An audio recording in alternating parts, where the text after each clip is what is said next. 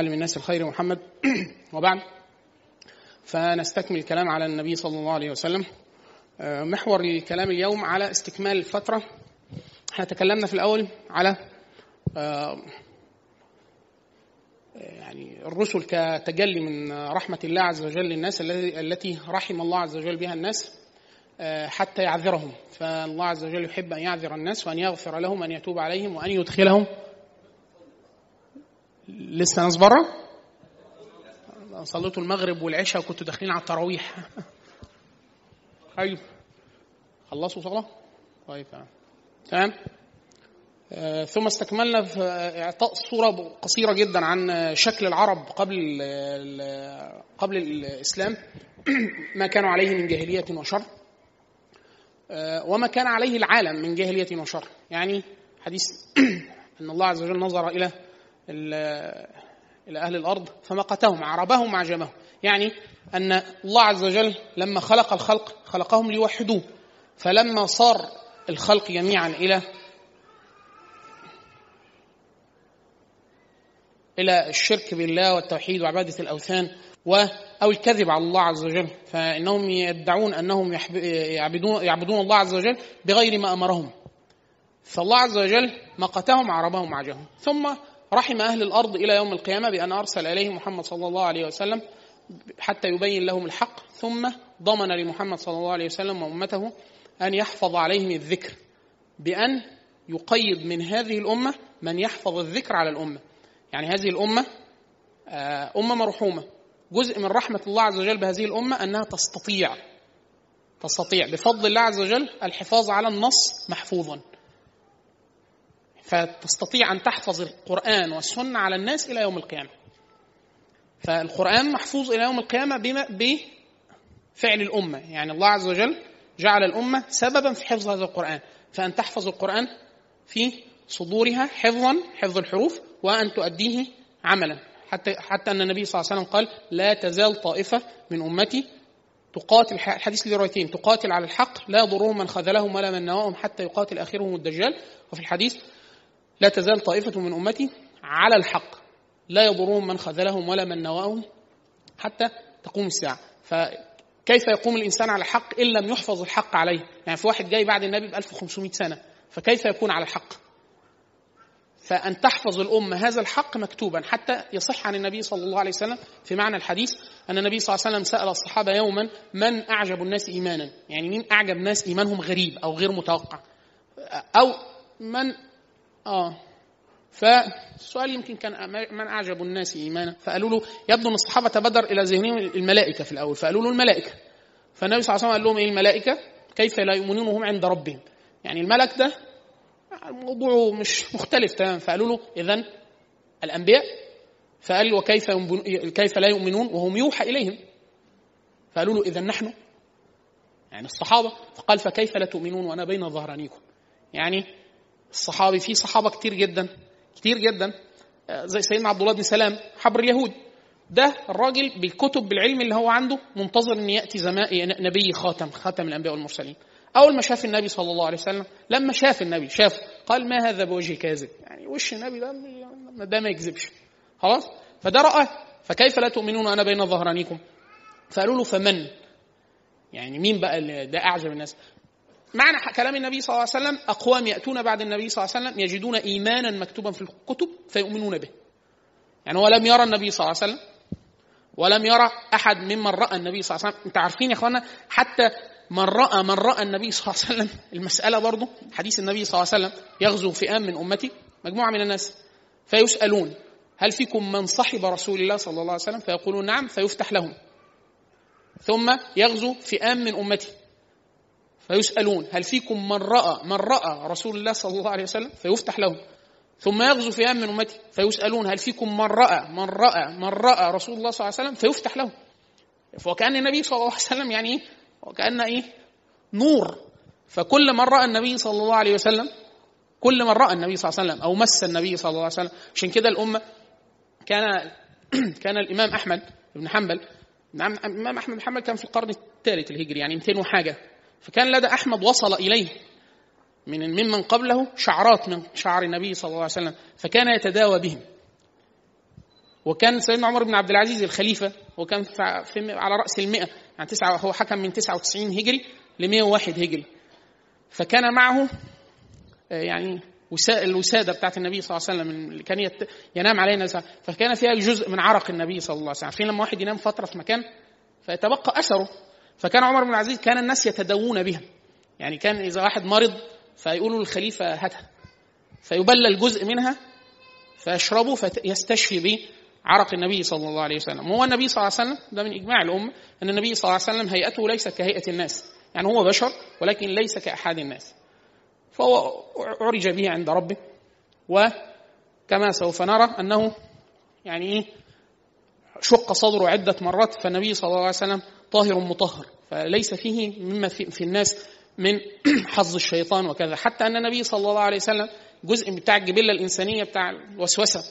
حديث عائشة لما النبي صلى الله عليه وسلم أغضب عائشة يوما فالسيدة عائشة يعني غضبت فالنبي أول ما شافها تزربينة كده فقال لها إيه؟ أحضر شيطانك؟ شيطانك جه فقالت له يا رسول الله يعني كل واحد فينا معاه شيطان. فقال نعم. قالت له وأنت يا رسول الله؟ وما حدش يصدق أصلا. النبي ما ينفعش معاه. ما يمشيش معاه شيطان. فقال نعم حتى أنا. إلا أن الله عز وجل أعانني عليه أنتوا عارفين لما يكون شيطان وقاعد مع النبي طول اليوم؟ فده هيوسوس له. يعني إيه؟ الشيطان هيوسوس للنبي صلى الله عليه وسلم. والنبي يسمعه من الحق والذكر. والنبي صلى الله عليه وسلم مرسل للثقلين. يعني الإنس والجن. فهو مرسل إليه. فالشيطان ده أسلم. فلا يأمرني إلا بخير. يعني إيه؟ هو برضه آمن يعني. ها فكذا هيئة النبي صلى الله عليه وسلم اللي هو إيه؟ يعني بركة كلها. فالمشكلة إن هو يأتي جيل بعد ألف سنة ولا 1200 سنة. طب ده من أين يدرك الحق؟ لولا أن هذه الأمة من رحمات الله عز وجل انها يحفظ عليها كتاب الله عز وجل وسنة النبي. وسنة النبي. لأن الوحي إحنا دايما نقول القران اللي هو متعبد بتلاوته وحديث النبي صلى الله عليه وسلم وما أقره وما رآه فأقره وما فعله. كل ده مقر طب السنة تصل إلينا برضه آه من رحمات الله عز وجل انها تحفظ عليها الأمة بالأسانيد وتأدية العلم كما أدي إليها. حتى بعض الظرفاء من العلماء يقول أدى النبي صلى الله عليه وسلم وكأنه بشر بشر بصحيح البخاري. وكأنه بشر بأن هناك علماء من هذه الأمة يحفظون على الناس سنة النبي إلى يوم القيامة. فلما الناس يقولوا إزاي؟ دايما في نصوص بتبقى مفهومة ظاهرا. خلاص نص نص ان النبي صلى الله عليه وسلم يقول يأتي واحد اثنين ثلاثة أربعة. أكيد النبي ما فيش حديث قال فيه إن في حد هيجي اسمه البخاري. أه؟ لا العلماء خدوها بال... بطريق غير المباشر. في حديث حديث المسيح الدجال. إن المسيح الدجال يخرج له شاب من خيرة شباب أهل المدينة. فالشاب أول ما يراه فالمسيح الدجال يقول له أنا مين؟ فيقول له أنت المسيح الدجال الذي يعني أخبرنا به أو كذا. فالمسيح الدجال يأخذه فيقتله يشق نصين ثم يمر بين نصين فيعود فيلتئم حي أمام الناس. فالناس ممن ضل فيزدادوا بالمسيح الدجال إيمانا. أما الشاب فلما يلتئم فيقول له والله ما ازددنا فيك إلا بصيرة أنت المسيح الدجال الذي أخبرنا عنه رسول الله صلى الله عليه وسلم. فالعلماء يقولون لا يستطيع شاب في آخر الزمان أن يقول أنت المسيح الدجال الذي أخبرنا به رسول الله صلى الله عليه وسلم إلا لو أنه بينه وبين النبي صلى الله عليه وسلم واسطة. يعني أخبرنا به زي ما أنا بالظبط لما أقرأ أمام واحد وأكون مجاز في القرآن. فلما الراجل يقول لي إيه اللي أنت بتقوله ده؟ أقول له القرآن، يقول لي أنهي القرآن؟ أقول له القرآن الذي نزل على قلب محمد، يقول لي هكذا قرأه النبي صلى الله عليه وسلم، أقول له هكذا قرأه النبي صلى الله عليه وسلم يقينا. هو كده قرأه بالظبط، فيقول لي إزاي؟ أقول له أقرأني شيخي أقرأه شيخه أقرأه شيخه أقعد أعلي كده لغاية 26 27 واحد لو سند عالي أقرأه صاحب النبي صلى الله عليه وسلم فأقرأه النبي فأقرأه جبريل عن رب العزة. ليه؟ لأنه لوزي الأمة سندها متصل النبي صلى الله عليه وسلم فالقرآن ده هو ده اللي بتقروه اللي نزل على النبي آه هو قرأه كده قراه كده آه لدرجه إن في أحكام لو حد درس تجويد يعرف إن في أحكام ملهاش أي علاقة بالصوت بالأداء يعني هو بيعمل حاجة في شفته كده مثلا بس ملهاش أي إيه فيقول له أنت بتعمل كده ليه فيقول له لا هكذا علمني شيخي فيقول له مين اللي علمه كده؟ يقول له شيخه. مين؟ شيخه. مين؟ الصحابي. مين؟ النبي. مين؟ جبريل. خلاص؟ فهكذا حفظت القرآن حفظ إيه؟ السنة عن النبي صلى الله عليه وسلم. زي الأحاديث اللي إحنا بنقرأها. إحنا بنتأكد نقول إيه؟ هذا الحديث قاله النبي صلى الله عليه وسلم. وما أدراك أن النبي صلى الله عليه وسلم قاله؟ بسبب إيه؟ اتصال السند وهذه الأمة حتى بعض صفات هذه الأمة في الأمم في الكتب القديمة وعلى لسان بعض الأنبياء أنها أناجيلها في صدورها. يعني هو حافظ إيه؟ القرآن والوحي الذي نزل في صدور الرجال. الرجال يعني الرجال والنساء طيب. أما النبي صلى الله عليه وسلم فهو محمد رسول الله صلى الله عليه وسلم ابن عبد الله ابن عبد المطلب ابن هاشم ابن عبد مناف ابن قصي ابن كلاب ابن مرة ابن كعب ابن لؤي ابن غالب ابن فهر ابن مالك ابن النضر ابن كنانة ابن خزيمة ابن مدركة ابن إلياس ابن مضرة ابن نزار ابن معد ابن عدنان. هذا هو نسب النبي صلى الله عليه وسلم حتى عدنان ولا يرفع أحد بعد عدنان نسبه إلى النبي صلى يعني لا يرفع نسب النبي صلى الله عليه وسلم بعد عدنان إلى إسماعيل أو آدم أحد. يختلف أهل السير أما النبي صلى الله عليه وسلم فهو نسب نفسه إلى عدنان ثم قال بعد ذلك إيه؟ كذب النسابون. يعني لا يعني إجماعا هو هذا هو النسب المحفوظ للنبي صلى الله عليه وسلم. من هؤلاء الناس الذين في سند النبي صلى الله عليه وسلم؟ مش أنت لا. ها؟ فهو النبي صلى الله عليه وسلم النبي صلى الله عليه وسلم اسمه محمد وهكذا سماه أبوه. وأبوه اسمه عبد الله ابن عبد المطلب هو جده. عبد المطلب ده آه، سبب إن هو سمي عبد المطلب هو ما اسموش عبد المطلب. لا اسمه شيبة الحمد. خلاص؟ شيبة الحمد. عبد المطلب ده اسمه شيبة الحمد. ليه الناس سموه عبد المطلب؟ آه كلمة عبد دي اللي هو رقيق. رقيق يعني يعني غلامه يعني عبده يعني. فالمطلب اللي هو أبوه كان مركبه وراه جايبه مرة مركبه على البغلة. فهو كان سمر قوي من الشمس. عارفين لما حد يروح المصيف ويرجع؟ فواحد يبقى إيه؟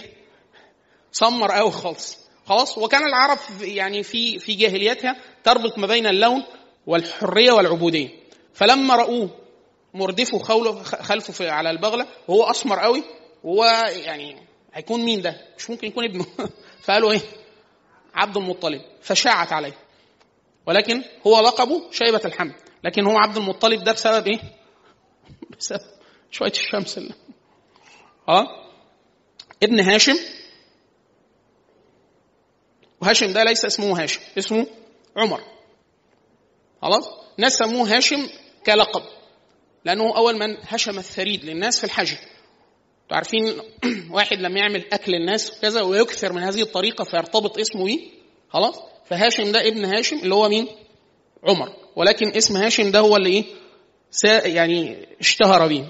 ابن عبد مناف عبد مناف اسمه المغيرة. ويسمى أيضا بقمر البطحاء. قمر البطحاء. خلاص؟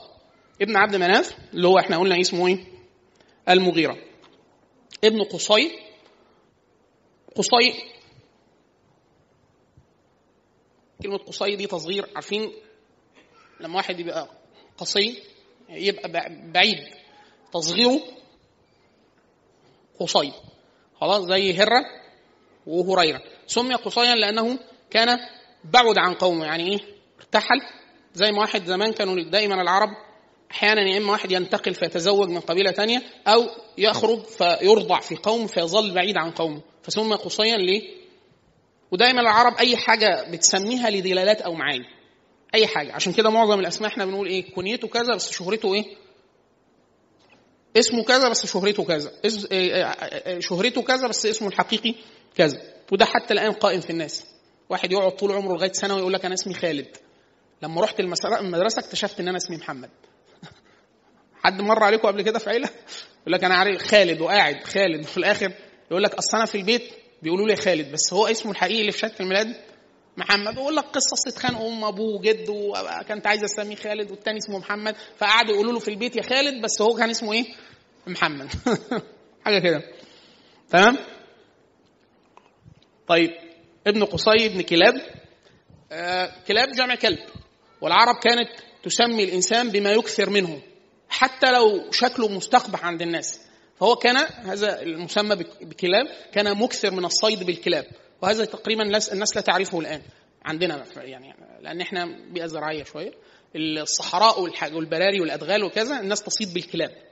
خلاص؟ فمن أكثر من شيء سمي به. عشان كده في واحد مشهور جدا عند جدا عندنا في العرب وعليه أساطير اسمه كليب. عارفين كليب؟ كليب وائل. فيقولوا له ليه اسمه كليب؟ آه؟ كان الراجل ده من العزة والمكانة لدرجة كان العرب عندها حاجة اسمها آه، آه، حمى. عارفين حمى الملوك؟ أجي في مكان أنزل وأقول من الجبل ده للجمل ده حماية. أي حاجة فيه من يتعرض إليها تعرض اليه خلاص؟ وكان يقول من العزة لديه منع وقبيلة إذا غضب غضب غضبت, غضبت له سيوف يعني راجل ذو مكانة فكان يطلق جرو كلب.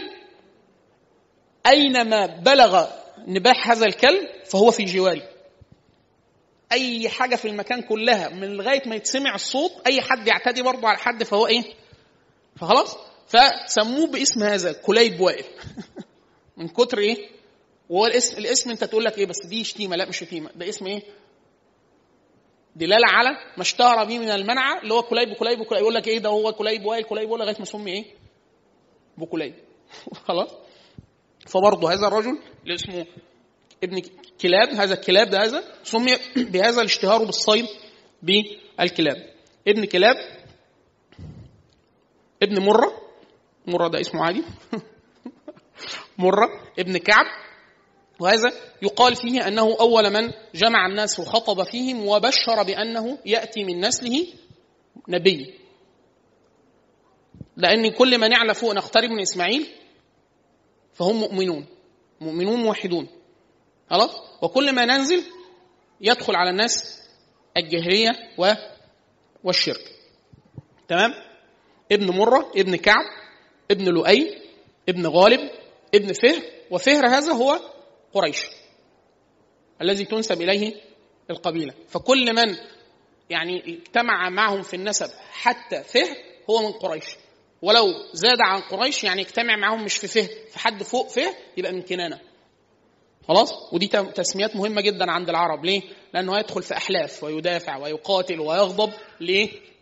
على حسب إيه؟ القرابات. واقتراب الآباء ولو علوا تمام؟ ابن مالك كان يكنب أبا الحارث وابن النضر. النضر هذا كان لقبه بسبب النضاره وشه كان كان وسيم جدا فكان يسمى بالنضر.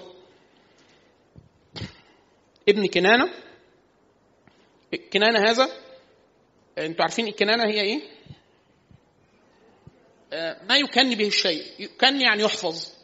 فالإنسان إذا غطى رأسه بشيء في الحرب حتى فدي كنانة.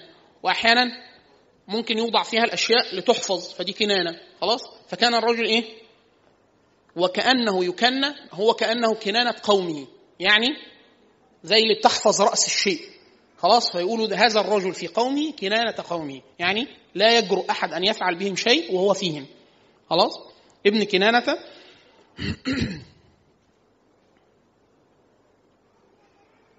ابن خزيمة ابن مدركة ابن إلياس. وقال أن إلياس هذا أول من بدأ في إرسال الهدي إلى البيت أو البدن إلى البيت. وكان على ملة إسماعيل أو ملة إبراهيم. حتى برضه مدركة ده يعني كان كان كثير الصيد وإدراك الأشياء في الصيد فسمى بمدركة. تمام؟ ابن إلياس ابن مضر وده جد من آه، يعني جد العالي حتى النبي صلى الله عليه وسلم أو قومه آه، أو قومه لو كانوا يعني دخلوا في مشاحنات أو كذا فينسبوا الناس إلى ربيعة أو مضر فحتى أن مسيلمة الكذاب وهو من ربيعة مسيلمة الكذاب الذي ادعى النبوة فلما دخلوا عليه اثنان من الرجال فسمعوا منه وخرجوا فقال له كيف تجد الرجل؟ قال له كاذب واضح الراجل كذاب والنبي صادق فقال له طيب هتؤمن بمحمد ولا بمسيلمة؟ قال له لا مسيلمة طبعا فقال له ليه؟ قال له كذاب ربيعة خير من صادق مضر فيعني إيه يعني المسألة قبليه عارف لما واحد يكون بيشجع الأهلي والزمالك هذه هي العصبية الجاهلية اللي هو أنت بتشجعهم ليه؟ هو مفيش أي ده حاجة في علم الاجتماع بيسموها علم التعصب ظاهرة التعصب اللي هو التعصب يعني مفيش أي سبب منطقي وعقلي يمكن التسلسل فيه يخليه يعمل الحاجة دي فبيقول له أنت هتصدق مسيلمة؟ هو كذاب قال له واضح الراجل كذاب أنت مش شايفه؟ فقال له طب إيه؟ قال له لا طبعا معاه ليه؟ قال له كذاب ربيعه خير من صادق مضر. مضر هو ده هو الجد الأعلى للنبي صلى الله عليه وسلم الذي يعني إذا انتسب إليه الناس انسبوا إليه. مضر بوزن عمر. تمام؟ آه ابن مضر ابن نزار ابن معد بن عدنان. وعدنان هذا أعلى جد على الإطلاق يمكن نسبه نسب نسبة النبي صلى الله عليه وسلم إليه من ولد إسماعيل. بعد عدنان من عدنان لإسماعيل لا مختلف جدا فيه من بين أهل السير والنسابين. من عدنان لإبراهيم من بين سيدنا إبراهيم لسيدنا آدم كتب النسب والسير وبتاع تلاقي فيه أنساب مكتوبة. بس الأنساب دي متفق عليها؟ لا فيها اختلاف شديد جدا. بل يكاد يكون من المنصوص عليه من قبل النبي صلى الله عليه وسلم أن لا يرفع أحد نسب النبي صلى الله عليه وسلم فوق عدنان. طيب هل من المطلوب معرفة نسب النبي صلى الله عليه وسلم؟ أنا أدعو الجميع إلى حفظ نسب النبي صلى الله عليه وسلم. إيه السبب؟ عندنا مثلا واحد بس يمكن في الفقهاء المسلمين زي ابن حزم كان يقول من جهل نسب النبي صلى الله عليه وسلم أو اسمه تقريبا كافر بس هو الوحيد بصراحة ابن حزم ابن حزم الظاهري فالناس يقولوا له ليه كافر؟ يقول كيف يعني لو واحد أنا بقول لك تعرف فلان لأ أو تعرف فلان آه تعرفه أو ده أبوك آه طب اسمه الثلاثي إيه؟ تقول لا ما أعرفش. أبوك؟ آه. ده اسمه الثلاثي إيه؟ ما أعرفش. مستحيل. مستحيل.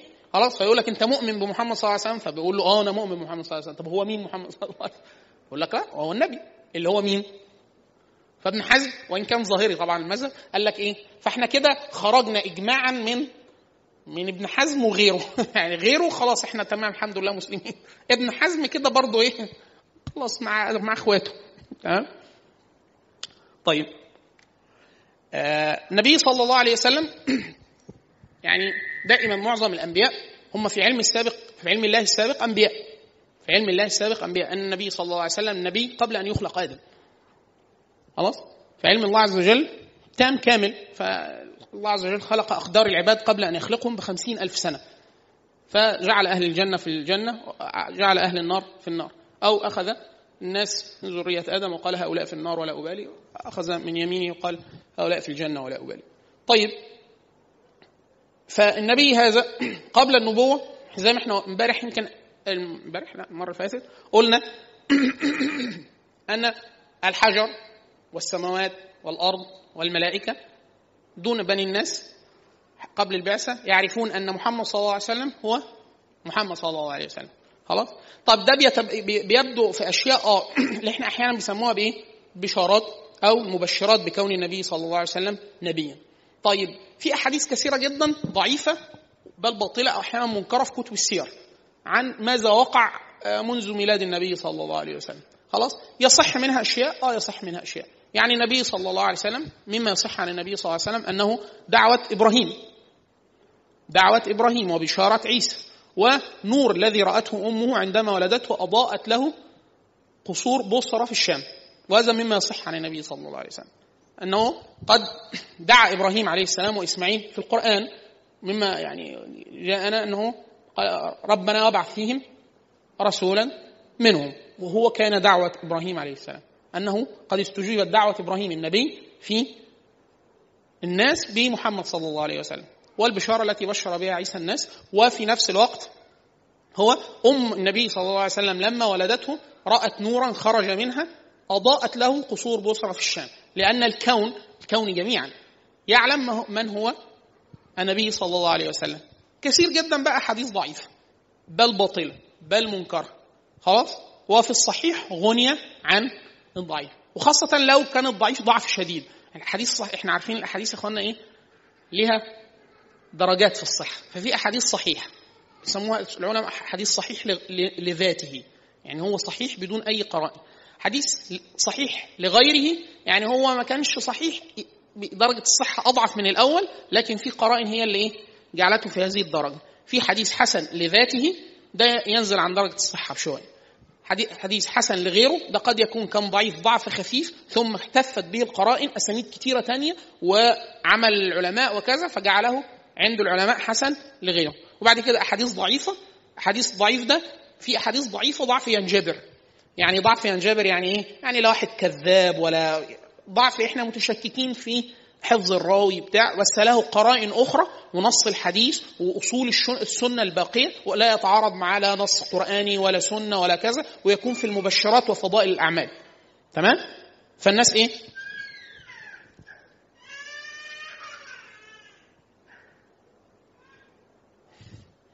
فالناس أهل العلم يعملون بالأحاديث الضعيفة بشروط في فضائل الأعمال منها السيار والمبشرات وكذا. إحنا بنتكلم على الضعيف اللي إحنا بنستبعده اللي هو إيه؟ ضعيف شديد الضعف والباطل أو المنكر أو المكذوب الذي يبدو عليه أمارات الكذب. فإحنا لسنا بحاجة للاحتجاج لكون النبي صلى الله عليه وسلم نبيا بأحاديث ضعيفة أو منكرة. فالإسلام كله قائم على الإسناد على الإسناد. يعني هو دين رواية ونقل. فلو إحنا ابتدينا ننتقل للأحاديث الباطله والموضوع بندخل في عقول الناس. أشياء لا لا يعني تستقيم في العقل فيعود بالتكذيب على أصل الرسالة. خلاص؟ وكل هذه الأحاديث لا يصححها أهل العلم لا بالأحاديث ولا بالسير. فإحنا في غني عن ذلك. تمام؟ طيب. آه، من علامات كون النبي صلى الله عليه وسلم آه، نبيا أن النبي صلى الله عليه وسلم آه، لما ولد ف أمه على عادة العرب دايما العرب كان فيهم نوع من الشدة والخشونة فالطفل لو لو يعني ولد بين ظهراني قومه مع أمه وجدته وبتاع فيطلع إيه؟ مدلع يعني إيه؟ الناس هتدلعه جده بالذات الجدود مش الأمهات كمان الجدود فكانوا يعملوا إيه العرب؟ يبعثوا الأطفال في البادية خلاص؟ بيئة أكثر خشونة من بيئة الحضر؟ هم طبعا حضر مدن مكة والمدينة وكذا. لا هم في مكة. فيودوه فين؟ في البوادي. يسترضع في البوادي. فترضعه آه، مسترضع يعني مرضعة في البادية فيشب في بيئة خشنة ومش وسط قومه فكمان هيطلع أكثر صلابة بس في مقابل إيه؟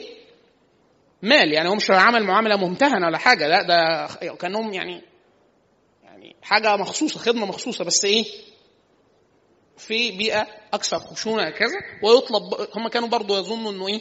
بيئة البادية أكثر نقاء وصحة وخشونة فيطلع الطفل يعني. فكذا النبي صلى الله عليه وسلم وإن كان النبي صلى الله عليه وسلم ولد يتيما يعني كان توفي أبوه قبل أن يولد. فأمه استرضعته في بني سعد. السيده حليمة السعدية السعدية هي التي أرضعت النبي صلى الله عليه وسلم. من علامات النبوة طبعا كثير من الأحاديث لا يصف لها سند يعني حديث ضعيفة عن حال السيدة حليمة مع النبي صلى الله عليه وسلم في عدة أحاديث. ما يصح منها قطعا؟ حديث شق الصدر. الأحاديث الضعيفة عشان برضو لو حد يعني الموضوع عدى عليكم في أي كتاب آخر. آه، يعني السيدة حليمة كانت دي روايات بيرويها أهل السير ولا تصح. أحاديث ضعيفة يعني. إن هو مثلا جاءت بالحمار الذي حملها أو الناقة التي حملتها كانت ضعيفة ولا تقوى على السير. عندما عادت بالنبي صلى الله عليه وسلم كانت أكثر. وهذا يصدق في النبي صلى الله عليه وسلم. إحنا يعني لو جاءنا حديث صحيح بذلك لصدقناه. ليه؟ بسبب بركة النبي صلى الله عليه وسلم وهو صغير وهو كبير وهو حي وهو ميت. هذا مما تجمع عليه الأمة. لكن إحنا في غني عن هذا. بسبب هذه الأمة أمة إسناد لو صح السند قبلناه مش عشان هو في حاجة غريبة جوه الحديث ولا لا. وإلا هذا لا يستغرب في حق النبي صلى الله عليه وسلم. أقول لك. خلاص. برضو بعد الأحاديث في حال السيدة حليمة أنها كانت ترعى أغنام أغنام السيدة حليمة وزوجها كانت تذهب مع أغنام القوم. فإذا عادت كل الأح... في وقت يعني إيه؟ فيش زرع. مرعى سيء. فتعود بدون لبن. ما كلتش حاجة فمش هتنتج لبن. إلا أغنام السيدة حليمة. فكانت تعود. برضه هذا يصدق في النبي صلى الله عليه وسلم بل حدث مع النبي صلى الله عليه وسلم بعد ذلك في البعثة حديث أبو بكر الصديق لما مروا يعني هو نفس الحديث لو جاءنا بسند صحيح كنا قبلناه سيد النبي صلى الله عليه وسلم لما كان مع أبو بكر فقال النبي صلى الله عليه وسلم نام. سيدنا أبو بكر الصديق لما نزلوا على أحد الناس ف قال لها يعني عايزين لبن. قالت له لا الحاجات دي مش بتاعتي الأغنام دي مش قال لها هاتي. يعني يعني شاه غير لم ينزل لها لبن. قالت له طب هتعمل بيها قال لها بس هاتيها.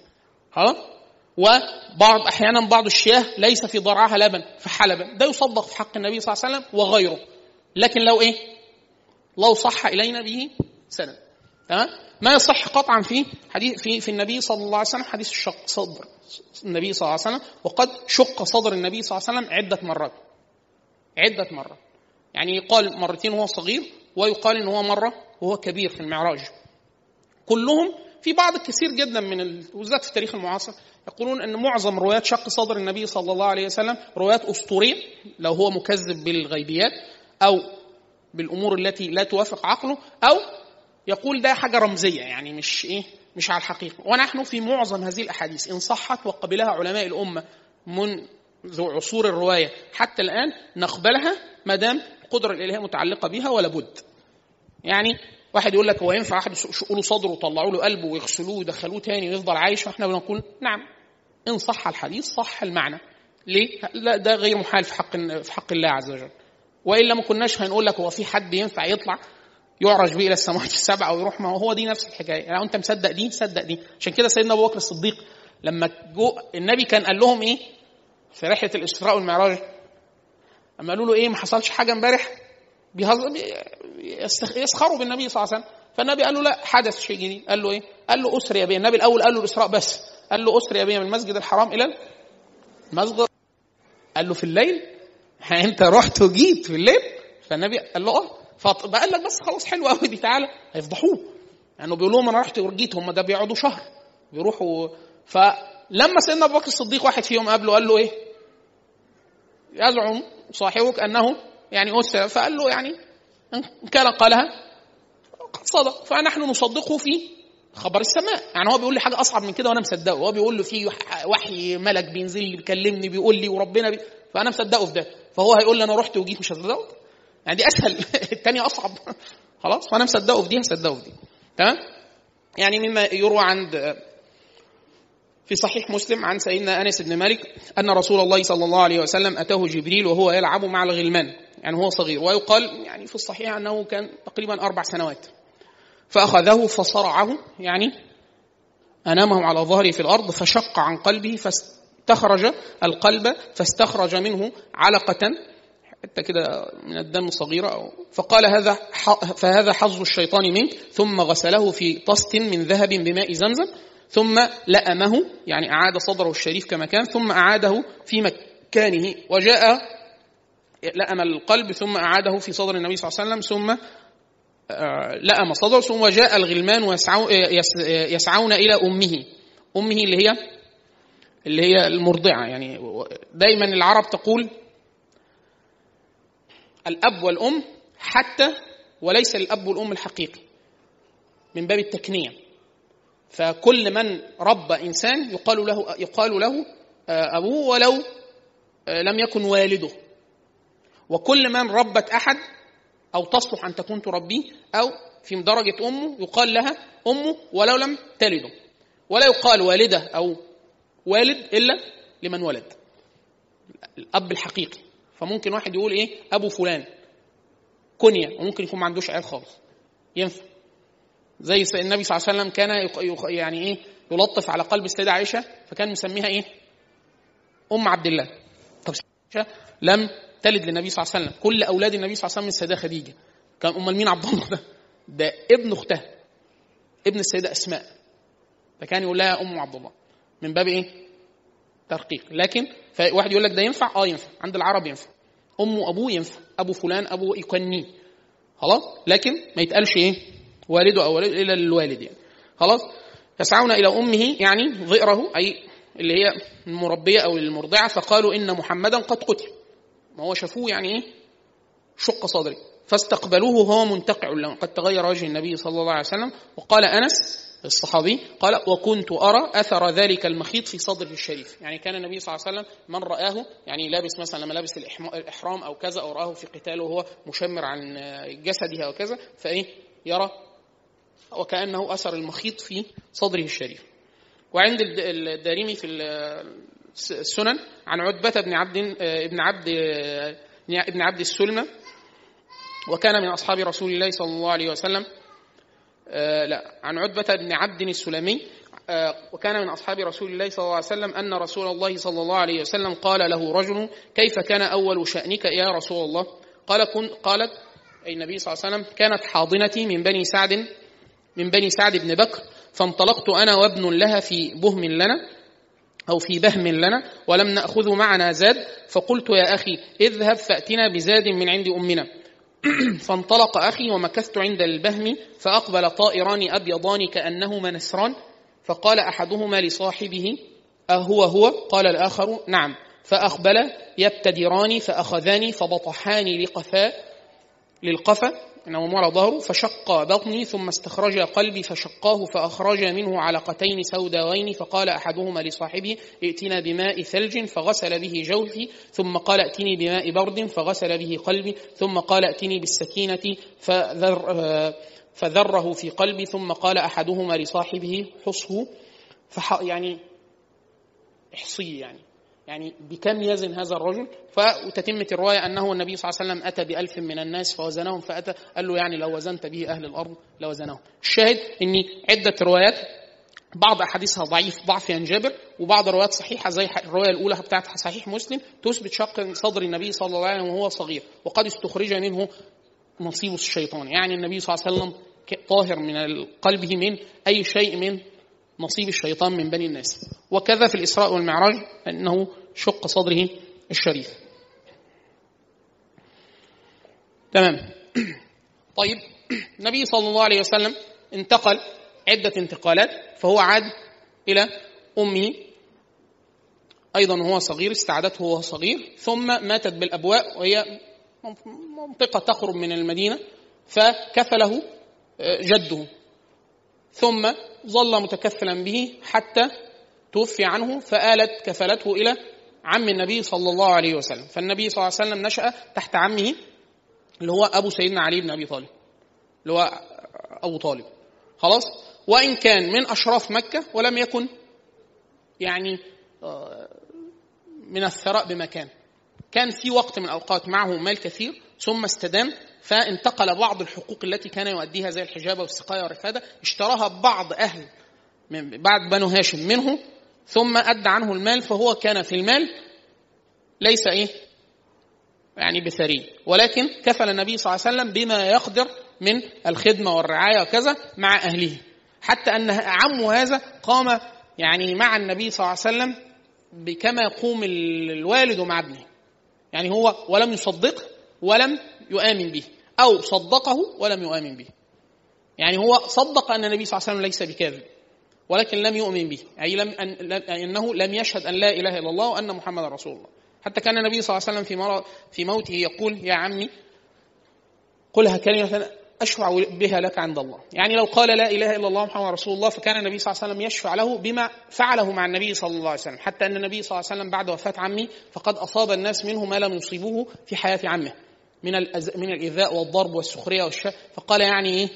ما أصابت مني قريش شيئا شيئا أكرهه إلا بعد عبد المطلب آه بعد آه أبي طالب. لأنه كان يحوطه وكان ذو وجاهة وكان إذا غضب غضب له الناس. حتى أنهم لما يعني بلغت بهم اللدد في الخصومة لما حاصروه حاصروه أقصى حاجة أنهم حصروه ثلاث سنوات فلم يتخلى عنه لا عمه ولا عصبته من بني هاشم. تمام؟ في الفترة التي كان فيها عند عمه كان النبي صلى الله عليه وسلم رقيق الحال تبعا لعمه خلاص؟ فكان يرعى بعض الأغنام يعني هو سنه تقريبا 12 سنة 12 سنة. كان يرعى الأغنام لبعض أهله في مكة. حتى أن بعض الصحابة كان النبي صلى الله عليه وسلم وهو نبي بيرعوا أغنام أمامه فأمرهم بأمر لا يعلمه لا يعلمه إلا راعي. قال لهم يعني سيبوكم من الحتة دي تروا في الحتة دي دي أفضل وكذا فالراجل بيقول له إيه بيقول له هل رعيت الغنم يا رسول الله؟ لأن النبي صلى الله عليه وسلم كان مشهور المشهور عنه أو الذي يعرفه عنه الناس وهو كبير في مكة التجارة خلاص قد تاجر في الشام ونواحي اليمن وكذا فقال له هل رعيت الغنم يا رسول الله؟ قال وهل من نبي إلا رعى الغنم؟ كل الأنبياء رعوا الغنم فقال له أنت رعيت الغنم؟ قال له آه وأنا صبي لبعض أهلي على قراريط في مكة فالنبي صلى الله عليه وسلم رعى الغنم حتى كثير من الناس تكلموا في هذا من أهل التربية والسير والفقهاء يقولوا اشمعنى؟ إيه المهنة المهنة الوحيدة اللي ما من نبي إلا وعمل بها. اللي هي راعي الغنم. يقولوا اشمعنى؟ ليه راعي الغنم؟ فيقولوا راعي الغنم ده يعني بيجتمع فيه إيه؟ صبر غاية صبر شديد جدا. إنه الغنم طبعا مختلفين. خلاص؟ في كبير وفي صغير وفي عايزين يلعبوا وفي عيانة وفي عايزة تحلب. وفي خلاص؟ راعي. وما ينفعش إيه؟ يبقى شديد جدا. لو شديد يطفشوا أو يموته. خلاص؟ فلازم إيه؟ بالراحة كده وصبور ولازم يقعد. هياكله يقعد. خلاص؟ عايزين يلعبوا شوية. ماشي. وهكذا. ففيها نوع من عشان كده دايما كانوا كثير من الناس يقولون إن الإنسان بيكتسب جزء من الجبلة أو خلقته المتعلقة بإيه؟ بالمهنة. عشان كده في ناس أول ما تشوف حد ويكون عنده الفراسة فراسه فيقول لك إيه؟ الراجل ده تاجر. ليه؟ بيحسبها بال لما يجي واحد يتقدم لواحده فأبوها وهو في الكلام يقول لها والله هو كويس وبتاع بس أنا حاسس إن هو مش شغلانته الأساسية دي. هو سلوكه كده؟ يعني ده راجل إيه؟ بتاع في في الأوزان. لما واحد يكون مثلا بيتعامل في بيبيع حاجات بتتكال بالمكاييل خلاص؟ فده يكون إيه؟ راجل الموضوع عنده إيه؟ في واحد يكون بيتعامل مثلا في إيه؟ في الحاجات اللي هي بالجرام والملي جرام وبتاع. فالموضوع بالنسبة له إيه؟ بيبقوا دقيق جدا. لدرجة إن أنا مرة اتعاملت مع واحد جواهرجي فعمل حاجة غريبة جدا. بشتري شبكة فبيقول لي إيه؟ آه الفلوس كذا. فطلعتها له. فهي مثلا رزم بنك. فكان يحط الرزمة فين؟ الأول. ما عدهاش. حطها على الميزان. إيه ده هيوزنوا الجنيه وقع قوي للدرجة دي؟ بالكيلو يعني الموضوع ما إحنا ما وصلناش فما كانش الموضوع كده. هو من كتر من كتر التعامل الرزمة الألف بتاعت البنك على الميزان تطلع كذا. تزيد أو تقل حاجة خفيفة جدا. أقول له طب ما أنا أنا مهندس برضه لازم أفكر قلت له أنتوا عارفين إن الحاجة آه وزنها يزيد لو خدت رطبت. يعني الجنيه اللي طالع من البنك خفيف. لما الناس تمسكه وتتداوله يتقل من أثر إيدين الناس ومن الرطوبة. خلاص؟ فقلت قال لي هيتقل. فقال لي ما هو فوق أو تحت يعني. خلاص؟ لو زايد قوي أو ناقص قوي أعرف إن الرزمه ناقصة عد هو كده كده هيعدها. بس هو الأول إيه؟ بيطمن. رزم ويزان فهو ده إيه؟ الميزان بتاعه إيه؟ ميزان ذهب.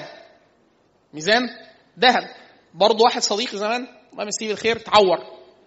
فاحنا في مستشفى فهو ليه خلفية طبية درس في الطب ثلاث سنين وبعد كده نقل هندسة. فكان معاه مهندس في مفتوح.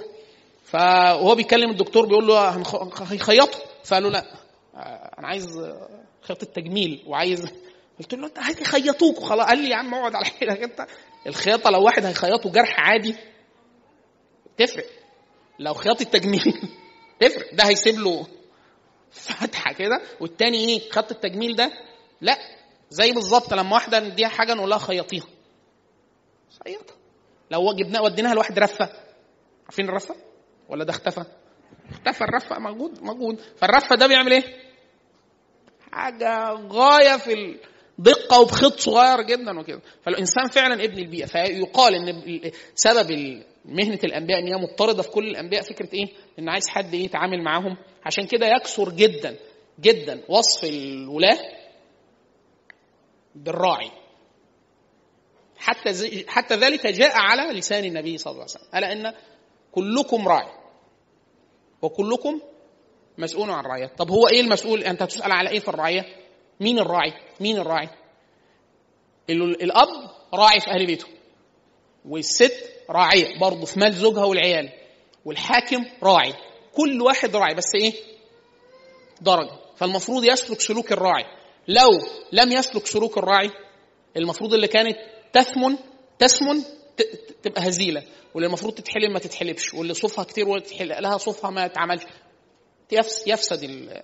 فدايما تمثيل الراعي ده وارد في كثير جدا على ألسنة التربويين وأهل السير وكذا حتى في وصف النبي صلى الله عليه وسلم للناس أنهم رعاة.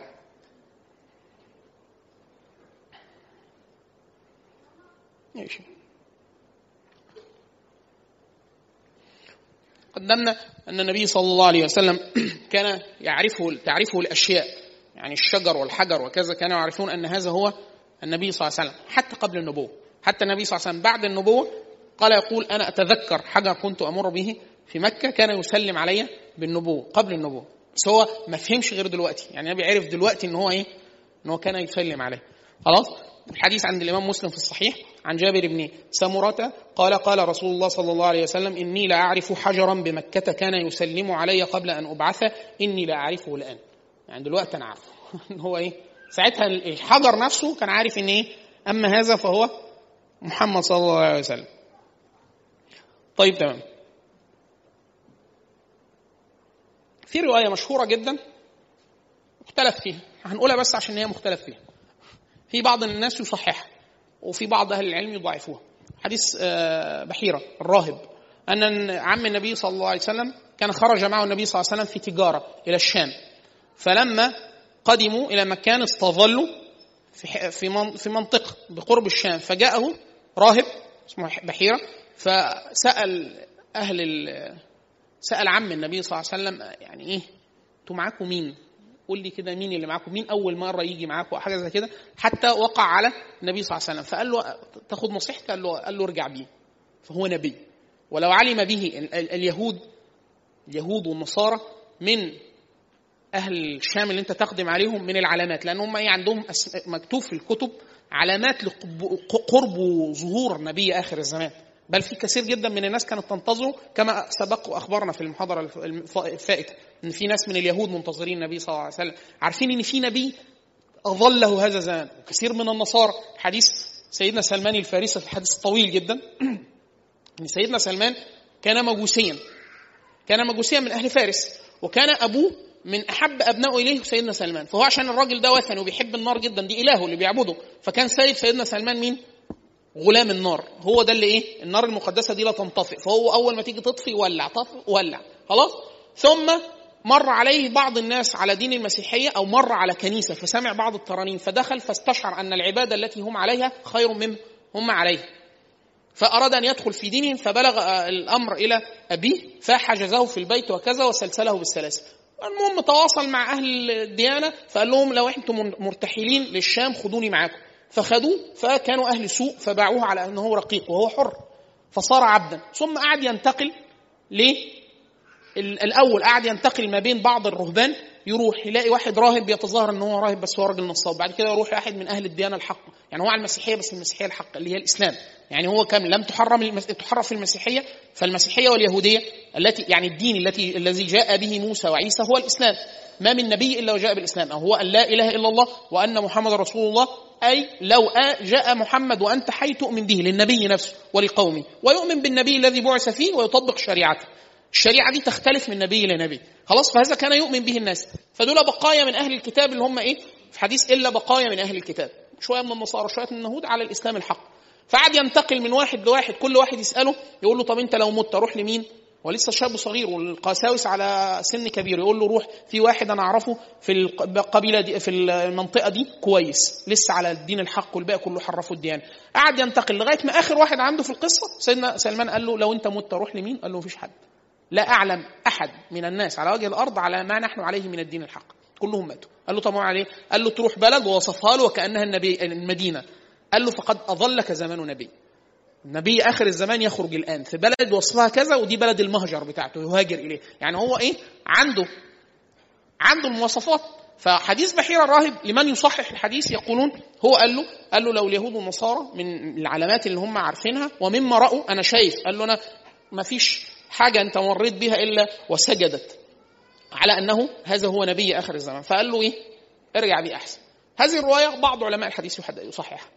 وبعض أهل السير وكثير من أهل السير على التضعيف ليه؟ لأسباب كثيرة كثيرة منها بعض الروايات بتقول إن كان سيدنا بلال معهم مثلا قصة القصة دي وقعت النبي صلى الله عليه وسلم صغير يعني إيه؟ القصة الحديث لو عايزة تسمعوا نصه حديث آه، الحديث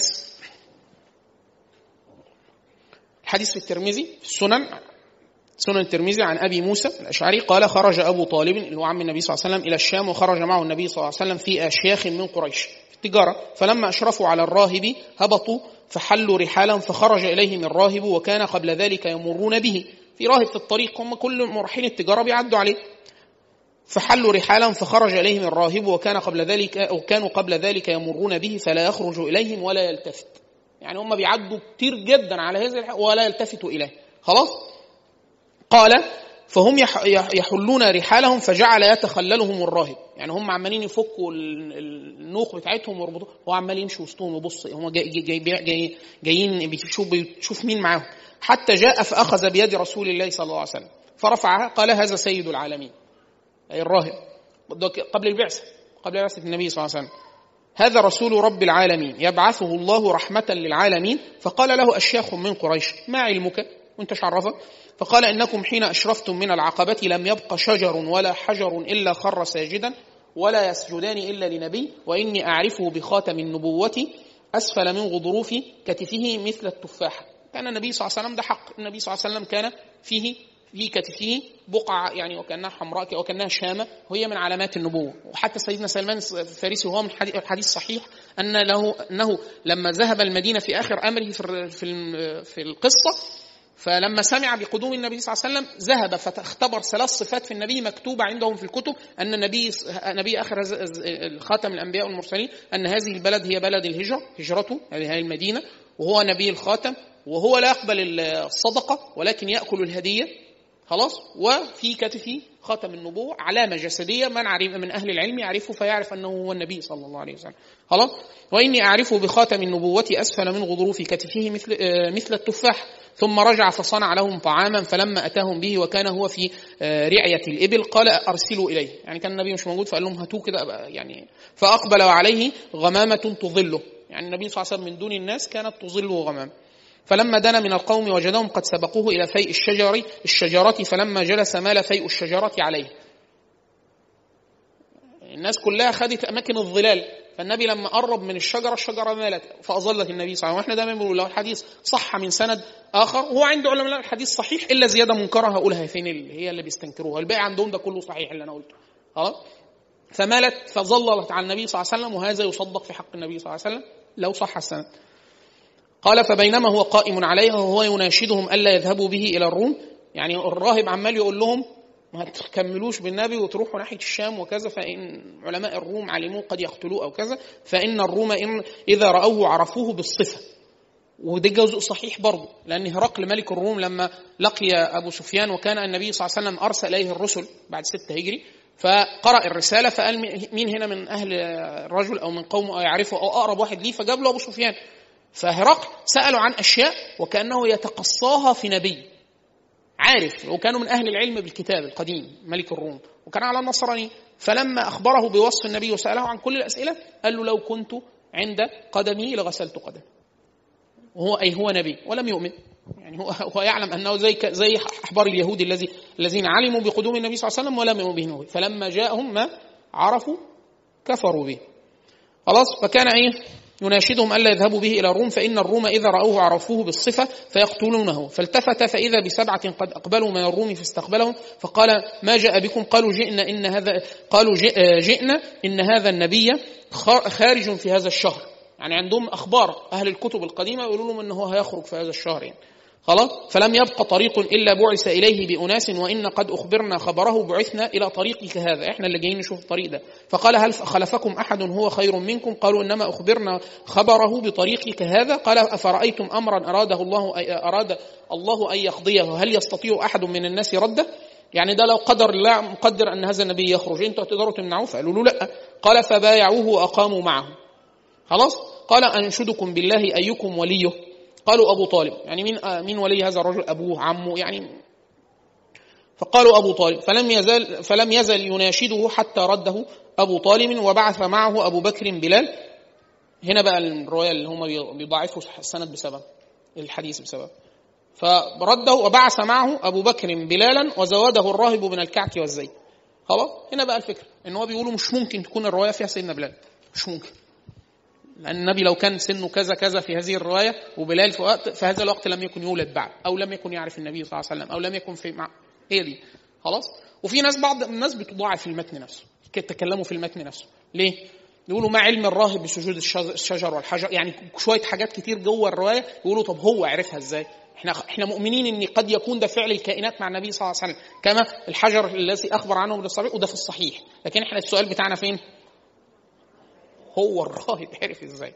خلاص؟ طيب فين الراهب ده؟ آمن بالنبي صلى الله عليه وسلم. طب خبره بعد كده؟ وهكذا أشياء دايما أهل السنة. يعني إيه؟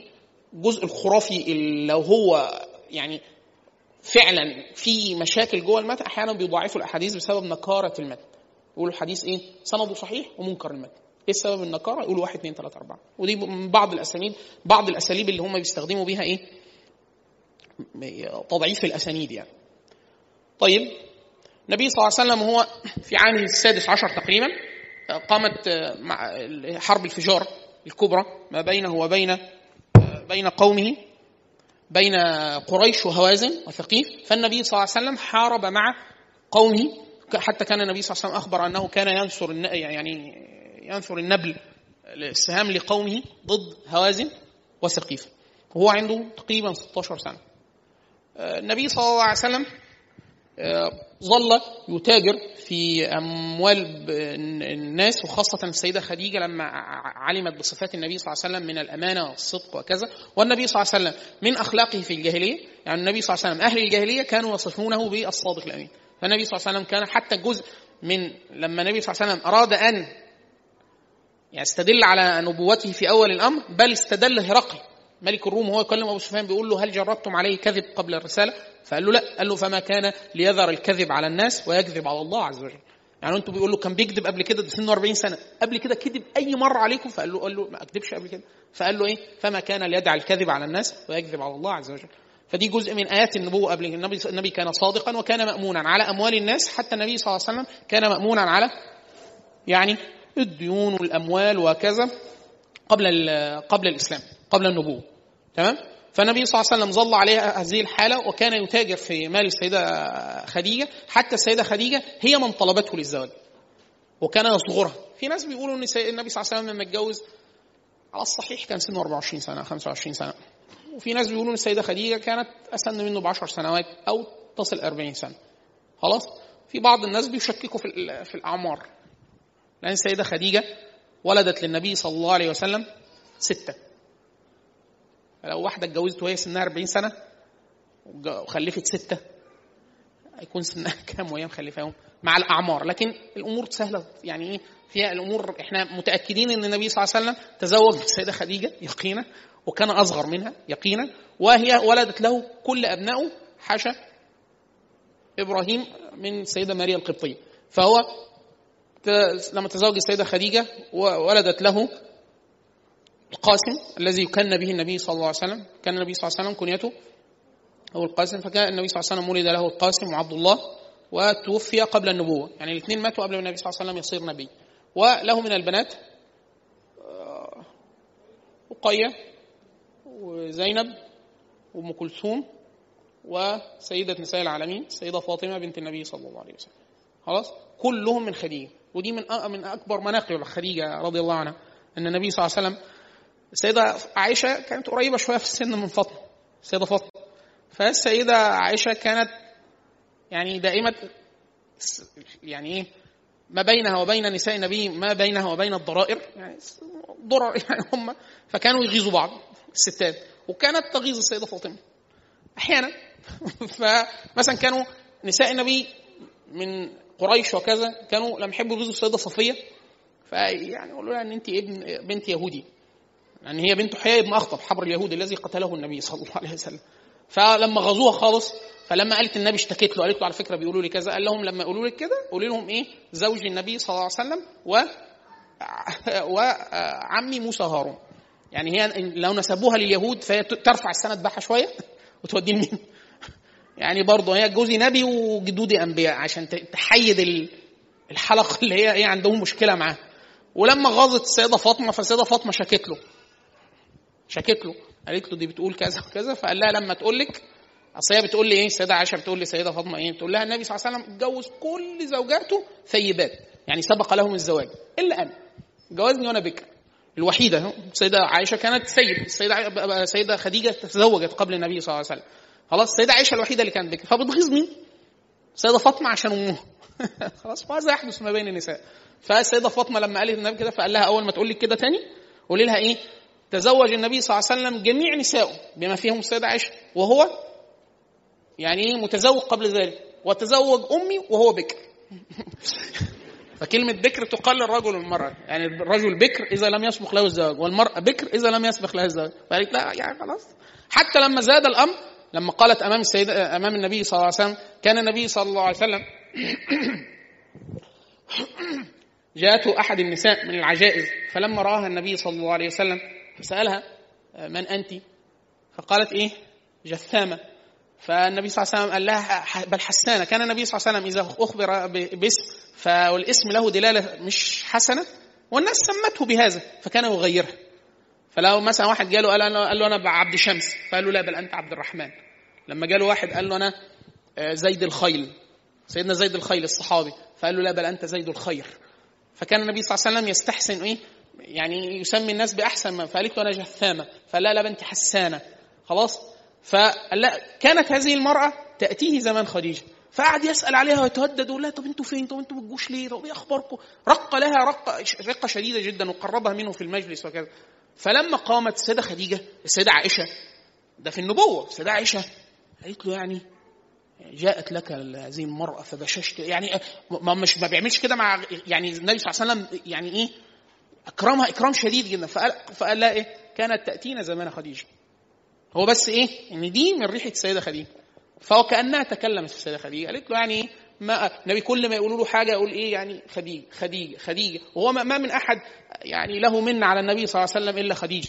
يعني هو كان يقول النبي صلى الله عليه وسلم خديجة وأبو بكر خديجة وأبو بكر. حتى النبي صلى الله عليه وسلم صرح مرة في حق في حق أبو بكر. وخديجة أسبق في نصرة النبي من أبو بكر الصديق. سيدنا أبو بكر الصديق لما اختلف يوما مع عمر بن الخطاب اتخانقوا كما يحدث ما بين الناس. فغلطوا في بعض وبعد كده سيدنا أبو بكر راح يصالح سيدنا عمر. قال له خلاص وبتاع قال له لا أنا مش زعلان. فسيدنا أبو بكر الصديق راح مين يصالحهم؟ راح للنبي. قال له يا رسول الله كان بيني وبين عمر. فالنبي وجهه تغير. سيدنا أبو بكر الصديق لسه هيكلمه فلاقي عمر بن الخطاب جاي. فخشي أن النبي صلى الله عليه وسلم يغضب على عمر بن الخطاب فجلس على ركبتيه وقال يا رسول الله كنت أنا البادئ. أنا جاي لك يعني أقول لك تصلح منا مش أنا بشكي لك. وأنا اللي بدأت. وكان النبي أبو بكر الصديق هو لما بدأ بالخطأ يعني. فلما جاء عمر بن الخطاب وكان النبي لا يغضب إلا في الحق. فهو بالنسبة له أبو بكر ده مش واحد عادي. فقال له قال لعمر بن الخطاب على مرأة مثلا الحديث في البخاري من ناقب مناقب أبو بكر الصديق. قال له قال له يا عمر كذبتموني وقال صدقت.